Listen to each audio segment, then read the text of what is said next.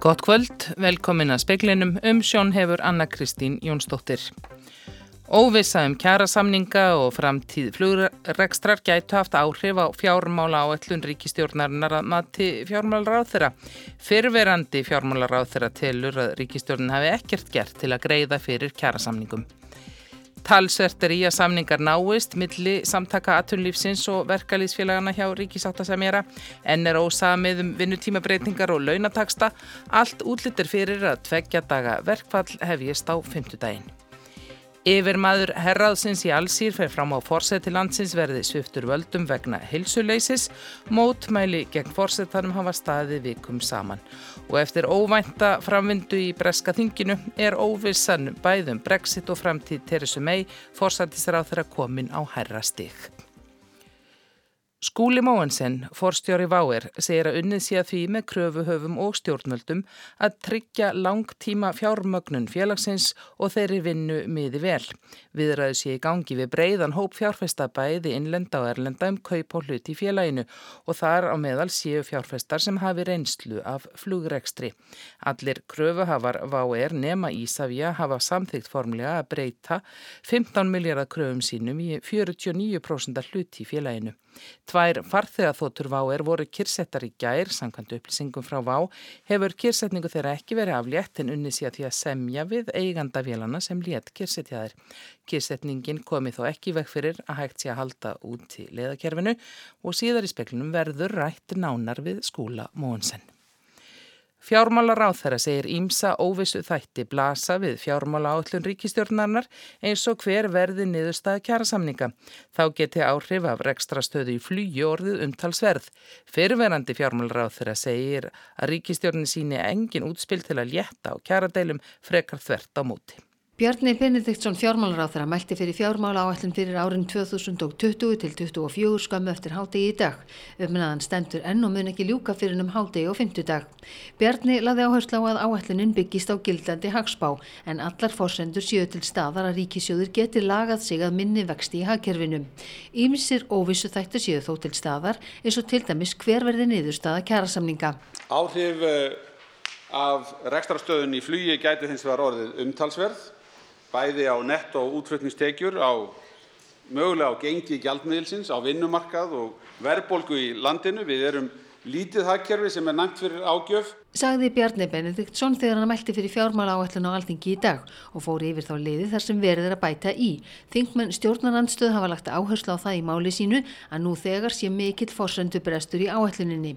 Otningi Harðardóttir er þingflokksformaður samfélkingarinnar og ferverandi fjármálar á þeirra. Það blæs ekki byrlega í efnaðarslífi okkar þessa dagana með óviðu skýjum yfir ferðarþjónustunni meðal annars og þar á ofan virðast kæradælur á vinnumarkaði frekar harnaðin heitt. Í fjármála áallu ríkisjónarinnar til næstu fimm ára er ekki að finna neinn útspil til að létta á stöðunni í kæradælunum. Frekar þvert á móti sagði Odningi Harðardóttir, Jóhanna Vigdís Hjaltadóttir tók saman. Nú er haldin í vestmannegjum fundur um stöðuna í kjölfar loðnu brests og það mikla högg sem eigamenn verða fyrir vegna hans. Bæjarstjórn segir að beint tekjutab fyrir samfélagið sé um 6 miljardar króna. Í vestmannegum er tekið á móti um þriðjungi alls loðnuabla og að verða af heilli loðnuvertið er gríðalegt högg. Ljóst er að bæjarsjóður verður af um 100 miljónum í beinum útsvarstekjum og fyrir hafnarsjóð er tapið um 40 miljónir. En það er náttúrulega ímislegt annað sem spilar inn í. Beint tekið tapið með vertiðina í fyrra fyrir samfélagið eru 6 miljónar segir Íris Róbertsdóttir bæjastjóri. Þá sé tapið mikið fyrir fjölskyldur í eigum því loðnubresturinn snertu um 16% heimila. Þetta eru tæpla 300 manns, 285 aðlar sem starfa beint bara við þetta hér í vestmannin og þetta eru 620 miljónir í tekitap hjá þessum fjölskyldum. Klukkan hálf sex hóst í vestmanniðum fundur þar sem fulltrúa sveitafélagsins og fyrirtækja, alþingismenn og fleiri koma sama til að ræða og meta heildar áhrifin af loðnubrestinum. En áfallið er mikið og ég ætla að vona það að við komum út úr þessum fundi með einhverja áallin um það hvernig við getum tekist á við svona áfall og hvað við ætlum að gera í þessu núna. Sagði Íris Róbertsdóttir, Ágúst Ólafsson talaði við hana. Matvælastofnun hefur í samvinnu við Livjastofnun kært vef á íslensku léni til lögreglu og farið fram á honum verði lokað. Herdi sem Guðjónsdóttir sérfræðingur hjá Matvælastofnun sagði í samfélaginu á ráseitt í dag að á síðunni væru auglistil sölu bæði ólögleg fæðubótrefni og lif. Fæðubótrefni sem eru alls ekki til neyslu er ekkert fæðubótrefni heldur bara ólögleg efni sem er verið að plata, plata fólk til þess að ná kannski í eitthvað súpekropp, halda ná í eitthvað súpekropp og missi tingt.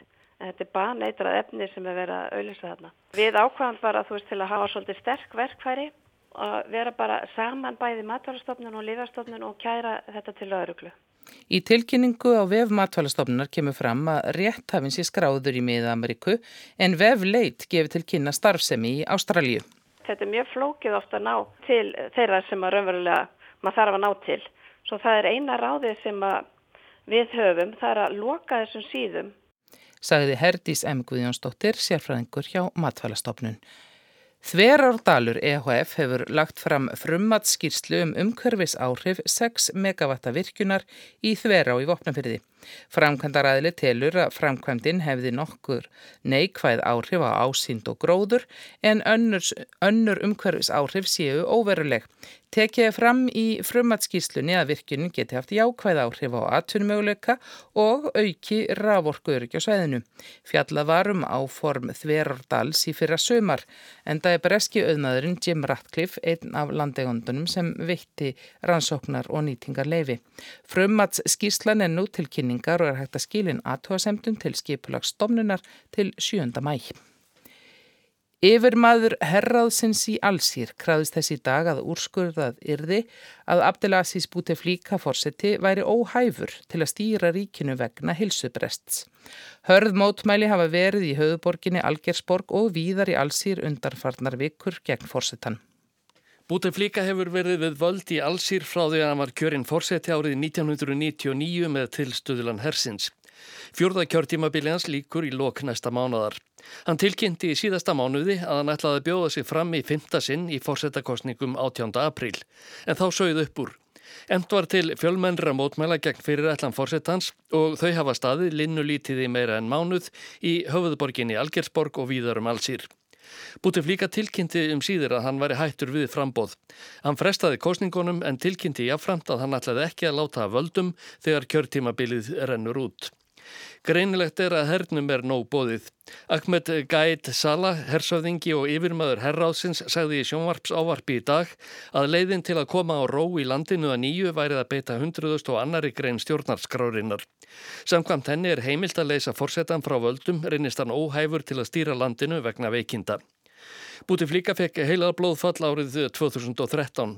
Hann lá á sjúkrahúsi í París í þrjá mánuði og hefur þurft að fara allra sinna ferða í hjólastól síðan.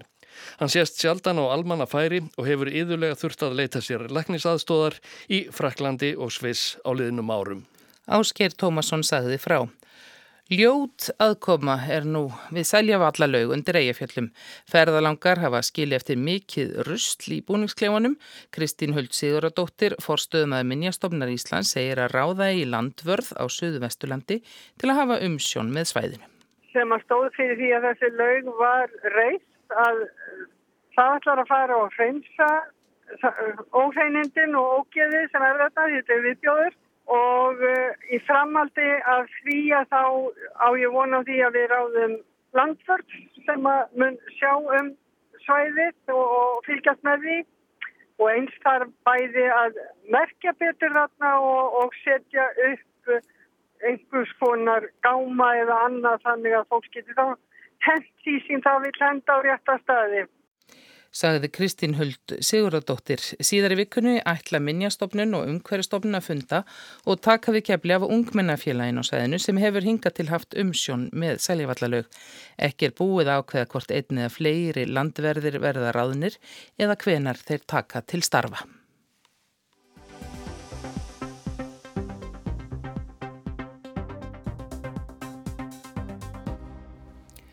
Allir kröfuhafar VÁ er nema Ísafja hafa samþygt formlega að breyta kröfum sínum í næstum helmingslut eða 49% hlut í félaginu. Skúli Móensen, forstjóri VÁ er, segir að svo ákverðun styrki flugfélagi verulega og að jafnframt verði farið í hlutafjár aukningu.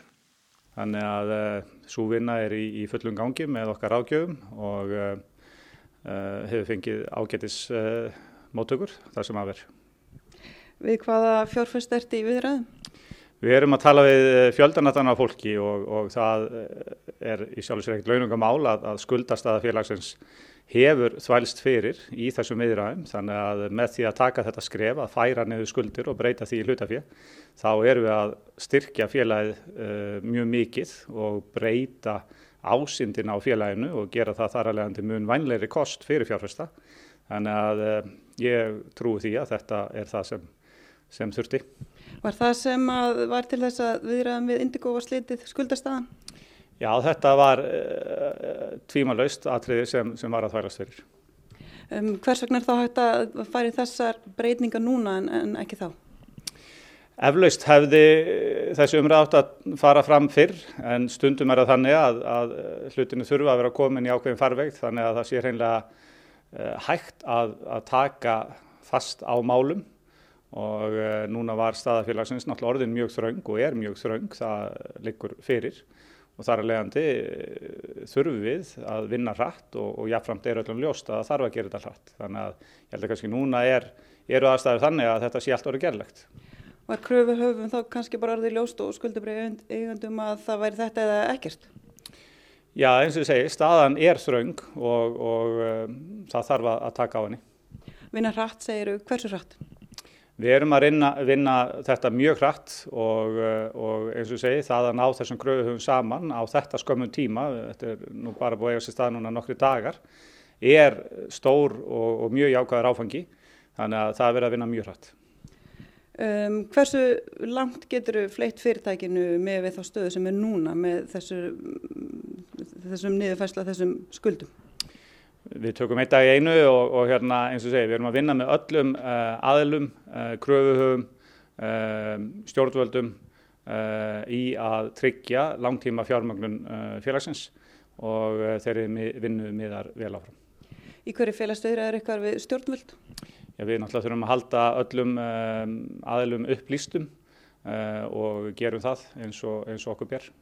Hefur eitthvað komið til tals, uh, hefur eitthvað tíman óttast um það að er svift flugræstarleifi vegna þessa vandræði sem þeir eru í? Það hefur verið grundvallar uh, skilirði hjá okkur og að minna hálfu að, að halda öllum aðlum mjög vel upplýstum og við hefum átt mjög gott samstarf við alla sem skipta máli í því samengi, þar séu samgöngustofu í Savia, uh, þau eru áðuneyti sem, sem koma að þessu og svo framvegs. Þannig að þannig held ég að við höfum byggt upp ákveði tröst að, að halda þessari vegferð áfram og á meðan við höfum haft plan um, og getu og náttúrulega flugu er ekki umfram allt uh, tryggt þá uh, höfum við fengið stuðning í að, í að halda þessari vegferð áfram og, og ég er mjög þakkláttu fyrir það og ég tel alla þessi aðla hafa unni mjög gott starf með okkur. Hvað geta stjórnvöld gert í þessari stöðu til að hjálpa ef að til þess kæmi? Hvað finnst þér þeir eigi að vera að gera? Ég held að í sjálfu sér er, er fullkomlega aðlegt að stjórnvöld fylgist mjög náið uh, með framgangi mála og uh, ef hægt er uh, búa þannig um að, að fjárfestar hérna, öðlist trú á því að allt umhverfið sé til staðar. Það eru glaunungamál að við höfum leita til ríkisins með formlum hættið um ákveðin stuðning. Það eru jáfnframt komið fram að, að ríki telur ekki rétt að, að kannski fjárfesta með beinum hætti í, í flugrekstur. En ég held að það sé líka öllum ljóst að í sögulegu samengi hefur Æslandeir fengið mikla rífilanir uh, og fyrirgreyslu uh, með margveislegum hætti. Og uh, það nú ekki nema einhverju dagar síðan að, að Ríkisbankin, Landsbankin lánaði þeim hátt í 10 miljardar á kostakjörum Þannig að um, auðvitað er ríkið að koma að flugræstri á einsam máta. Hafið þið verið óska eftir við líka láni eða einhverju öðru og jáfnvel meira? Eh, það hefur komið til tals að fá einhvers konar fyrirgreðslu, já. Og hvernig var því tekið? Segi, við erum í, í góðum samskiptum og ég held að, að það sé best að, að, að meðan við erum standa yfir að við erum kannski ekki að fara í smátri í þeim efnum en við erum í góðum samskiptum við, við yfirvöld. Hvað með skuldina við Ísafja? Hefur eitthvað verið reyndað öndur semja um hana einhver, einhver leiti? Við erum með mjög góðum samskiptum í Ísafja og unnið mjög náðum með þeim og, og hérna en segja meðan viðræður í gangi þá vil ég kannski ekki fara út í ákveðin smáatriði en, en uh, það er mjög góð samskipt þar á milli. En ef við fyrir aðeins aftur í þessa fjárfesta sem ætti að ræða við, er þetta innlendir eða erlendir eða hvort vekja? Hvort vekja. Er þetta um hópa fjárfestum eða einstaka uh, aðila? Þetta er breyður hópur og, og, og sterkir einstaklingar og sterkir sjóður og svo framvegs. Ekkur sem hafa reynsla flugræstri? Já. Hversu langt er þær viðræði komnar? Já, eins og við þurfum að hafa hraðan á, þannig að þetta kemur alltaf ljós. Kyrrsettu vélarnar, þær settu eitthvað streiki í reikningin, skildist okkur um helgina. Uh, hver er staðan þar núna? Uh, já, allt var á áallun í morgun, það fóru allar vélar sangkant áallun í morgun. Uh, það verður síðan smá tafir frá Evrópu, en það er allt farið á stað aftur. Þannig að það eru allar vélar að koma í hús núna á eftir og munum síðan fara í framhaldun til bandarækjana og það verður allt á áallun á morgun. Hver er stað þín núna eftir þessi endur skipulagning er í, er í höfn? Hver er þín stað? Já, ég er náttúrulega bara mjög þakklátur fyrir þann gríðalega stuðning sem ég hef fundið fyrir og fengið uh, frá öllum áttum, uh, bæði hérlendis og erlendis en ekki síst frá uh, okkar frábæra starfsfólki sem eru unnið algjörð kraftaverkjarna alla daga í að halda þessu gangandi. Þannig að, og ég hef mjög gaman að því sem ég er að gera og hef fulla trú á félaginu en Augljóslega verður það í höndum nýra eigenda, ég verð áfram hlutafi en, en einna mörgum og ég til það styrk uh, fyrir félagið að fá marga hlutafa málunu þannig að það verður í þeirra höndum að, að ákveða framhaldið. Hver er, hversu stóri er þinn hlutur? Eins og það er ekki búið að klára fjárfestingun alla þannig að það eftir að koma ljós. Hvernig líður þér með þessa stöðu sem er núna?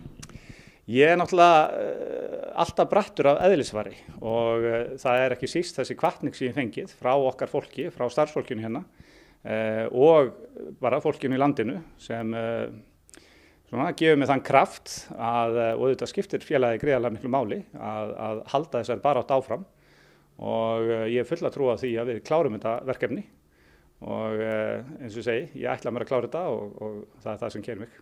En hvernig er að vera í þeirri stöðu að, að vera eini eigandi að fyrirtæki sem hefur svona óbúslega áhrif inn í samfélagi eða að færi gjaldtrótt og, og þúsundir starfa í húfi? Ég kannski hef ekki endilega hugleitað út frá því sjónarhaldni.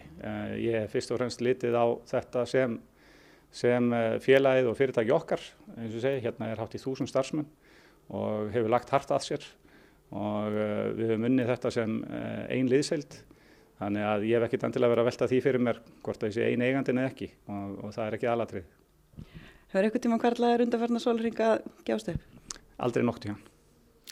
Saði skúli Mógensen, Sigriður Dögg Auðunstóttir rætti við hann.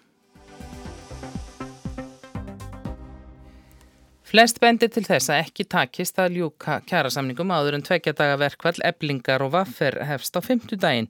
Samningafundi var í dag í annað sinn frestað vegna óvissu um vá. Verkvallsvarsla verður hert komið til verkvalls á fymtudaginn. Arna Páll Haugsson. Fundur vaffer, eblingar og verkefliðsfélagan á Akranesi, Grindavík og Húsavík hófst klukkan tíu morgun. Í gæri var fundi frestað vegna stöðunar hjá flöffileginu Vá. Fundi laugum elluðleiti í morgun eftir að orði verði Ósk S.A. um að fresta fundunum aftur vegna stöðunar hjá Vá. Atvinnureikendur báru líka fram þá óskað verkvælsaðgerðum á fymtudaginn sem munu standa yfir í tvo daga er þið frestað. Aðgerðirnar er ná til 40 hótela á félagsvæði vaffer og eblingar og jáfnfram til rútufyrirtækja. Ekki var orðið við þessari ósku ákveða næsti fundur verði hjá sáttasemra klukkan 2 á morgun. Hugsanlega verður þessu tveggjata verkvalli frestað. Það er hins vegar fátt sem bendir til þess og ljóst er að verkvalsvarslan verður hert til muna vegna þessa verkalisefingin til að fjölmörg verkvalsbrot hafi verið framin í verkvallinu í síðustu viku. Sólvi Anna Jónsdóttir formar eblingar segir að á sumu vinnustöðum hafi verið mjög einbeittur brotavilji. Og í ljósi þess þá þurfum við náttúrulega að gefa virkilega bara í þar um, og senda auðvitað bæði atvinnureikundum um, og auðvitað bara samfélaginu öllu þau skilaboð að verkvælsaðgerðir eru graf alvarlegu hlutur þau eru verkvælsaðgerðir grundvallar réttindi en vinnuaflsins. Saði Solveig Anna í vitali við Hólmfríði Dagníu Fríðjónsdóttur fréttamann í morgun. Í germátti skilja að stuttvari að samningar næðust aðeins ætti eftir að ræða launaliðin. Sankvæmt heimildum speilsins er það nokkuð fjarrri lægi, atvinnur eigunduleg genn áherslu á að sami verðum vinnutímabreitingar Þær feil í sér að dagvinnutímanbili verður lengt, kaffitímar feldir niður, að vinnavikan verði 36 til 37 tímar í stað 40 eins og nú er og að breytingar verða á yfirvinnu álægi svo eitthvað sem nefn. Þau félög sem sýta við samningaborði þessa stunduna hjá ríkisáttarsemra hafa alfarið hafnað þessum breytingum. Eftir að þau vísuðu deilin á sínum tíma til sátarsemra neituðu þau alfarið að ræða þau mál. Þá lagði SA fram tilbóð sem fólur í sér 2,5% hækkun launa yfir 600.000 krónur á mánuðim árlega og þryggjára samnýstímabili og 20.000 krónar hækkun lægstu launa á samnýstímanum eða samtal 60.000 krónur. Þessu tilbóði var snarlega hafnað og það slittnaði upp úr viðránum. Nú er þessi félög komin aftur á borðunum meðan þau undurbyggu verkvælsaðgeri var hins vegar haldi áfram að ræða við starfskriðarsambandið, innadamenn og landsamband veslunumanna. Þær viðræður voru komna nokkuð langt á veg og segja má að það hefði vantað herslumunin að samningar næðust. Hins vegar slittnaði meðal annars á því að atverðreikundur vilja að yfirvinnu ála verkafólks í hlutastörfum verði 40% en ekki 80% eins og nú er. Þessi félug eru nú að undirbúa verkvælsaðgerir. Ef úrverður myndu verkvöld ekki hefjast fyrir inn í lók næsta mánadar og byrja var að ræðu um launahækkari sem meðal annars kváðu áum 90.000 krónar hækkun lægstu launam á samvístímanum sem átt að vera þrjú ár og nýju mánuðir. Það er sem sagt búa að vinna þó nokkura vinnu sem gengur út frá hugmyndi SA um breytan vinnutíma. Þau félug sem nú eru hjá sáttasemira hafi og áður segir eða fram að þessu ekki verið til umræðum þar hugmyndir og tala um yfirhellingu verið sé að hækka dagvinnulönin með því að lækka yfirvinnuna. Félugin sætti sér ekki við að vakta álag verkafólks lækki í 40% ný heldur að tveir til þrýr álagslausir vaktavinnum tímar bætist við hjá vaktavinnufólki. Það munið ábreyttu gerast með því að lengja dagvinnutímabilið í, eða frá 7 til 6 á kvöldin. Þau krefjast þess að launaliðurinn verði rættur en yfirleitt er það svo þegar flest er klárt er smiðsökið á samninga reiki með samkómlagi um krónur og öyra eða launahækkanir á samningstímanum. Afdrifi flugfélagsins VÁ gætu haft áhrif á niðurstöðu samningana en það hefur SM nú í tvígang frestað sátafundu vegna óvissum framtíð félagsins. Egilur Árni Rapsson, formar SA, segir að það sé ekki staðan í kjadra viðræðin sem kalla á frestun funda, heldur staðan almennt í ferðarþjónustunni sem verkvöldin beinir stað. Staðan almennt talað í greininni er nú núna þannig að ef að, ef að allt fyrir á vestaveg að uh, þá er nú þau fyrirtæki sem að verkvöldin að beinast að núna ekkert í öfunnsveri stöðu. Í gær beði Theresa May, fórsættistur á þeirra Breitlands, enn einn ósigurinn í þinginu. Þegar meiri hluti þingmanna stutti tilugu þingmanna úr öllum flokkum um leiðbeinandi brexit atkvæðagreislu. Einu örugu brexit dagsetningarnar eru 12. apríl og 20. og annar mæ. Dagsetningar sem Evropasambandið hefur sett breytum um brexit útganga 12. apríl án samnings 20. annan mæ með samningi. Sigrun Davistóttir, Theresa May, fórsættisráðara, hefur mist stjórnina á útgöngu þeirra úr Evrópusambandinu eða hvað?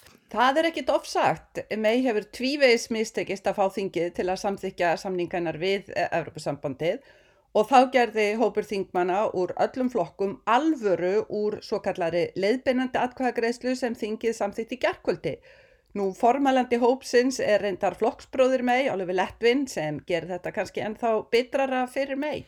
En það er nokkuð stertil orð að tekið að mei hafi mist stjórnina, en leiðbeinandi atkvæðagreysla, hvernig er hún merkjum það? Að því dagskrárvaldið í þinginu er leikil þáttur í valdiríkistjórnar og þarna misti mei þetta vald. Þannig að það er rokna ósigur, ekki bara að það verði farið þessi leið sem mei er ansnúin, heldur einfallega þetta að mei misti þarna dagskrárvaldið og já, þetta er alveg makalust bælægt fyrir hana. Og hvað er þá eiginlega leiðbeinandi atkvæðagreysla? Þá ótt við að þingmenn séu frálsir að því að leggja fram tillögur um allskynns brexit leiðir, til dæmis um að vera áfram í innrimarkanum, áfram í tollabandalegi. Þar sem þingheimur vill ljóslega ekki samning meis þá að fá fram hvaða aðrar leiðir væri hægt að fara og það er alveg ljóst að þessi atkvæðagreysla gæti tekið drúan tíma.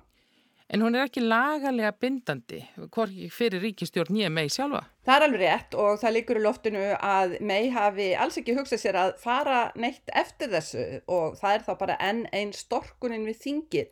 Mei saði ávarp í síðustu viku að hún og þjóðin væri á sama bandi og þingið ekki.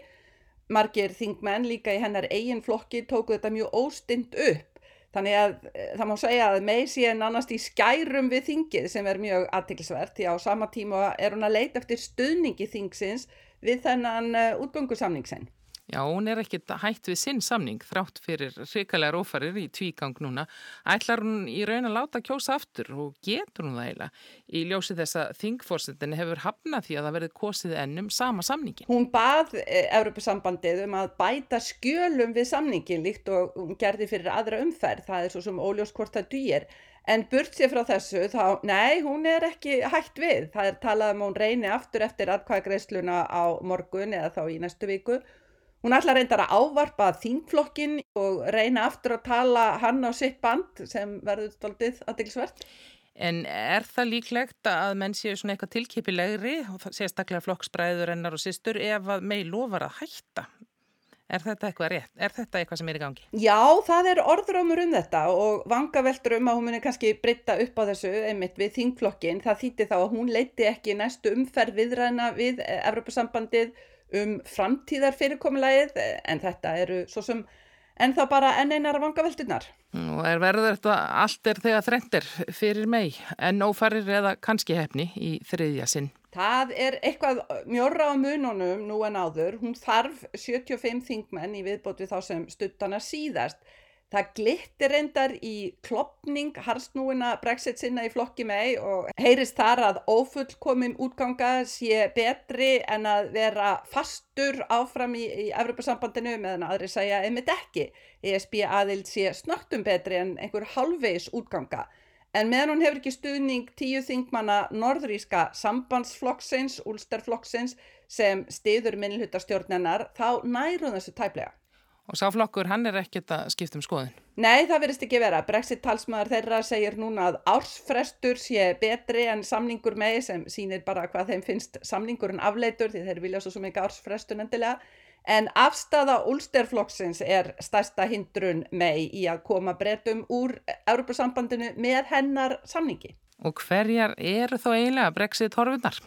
Það eru enn bara þessar tvær dagsetningar sem að Europasambandið býður upp á og ljóst að þingið vill ekki samningslausa útgöngu svo þar með er kannski 22. mæ líkleri útgöngudagur en það er bara engin samningur í auksin en á hinbóin þá er svona einhver reyfingi þá átt að draga útgöngu tilbaka, byrja upp og nýtt en það er kannski valla líklegt enn sem komið er. Og framtíð Teresu mei sem fórsætsráð þar líka, óviss. Hún er mjög óveist. Það er talað um að David Littington, aðstóðar fórsætsráð þeirra, sé mjög slingur í málamiðlunum og hann gæti kannski hníkað breytum upp úr brexit-farinu.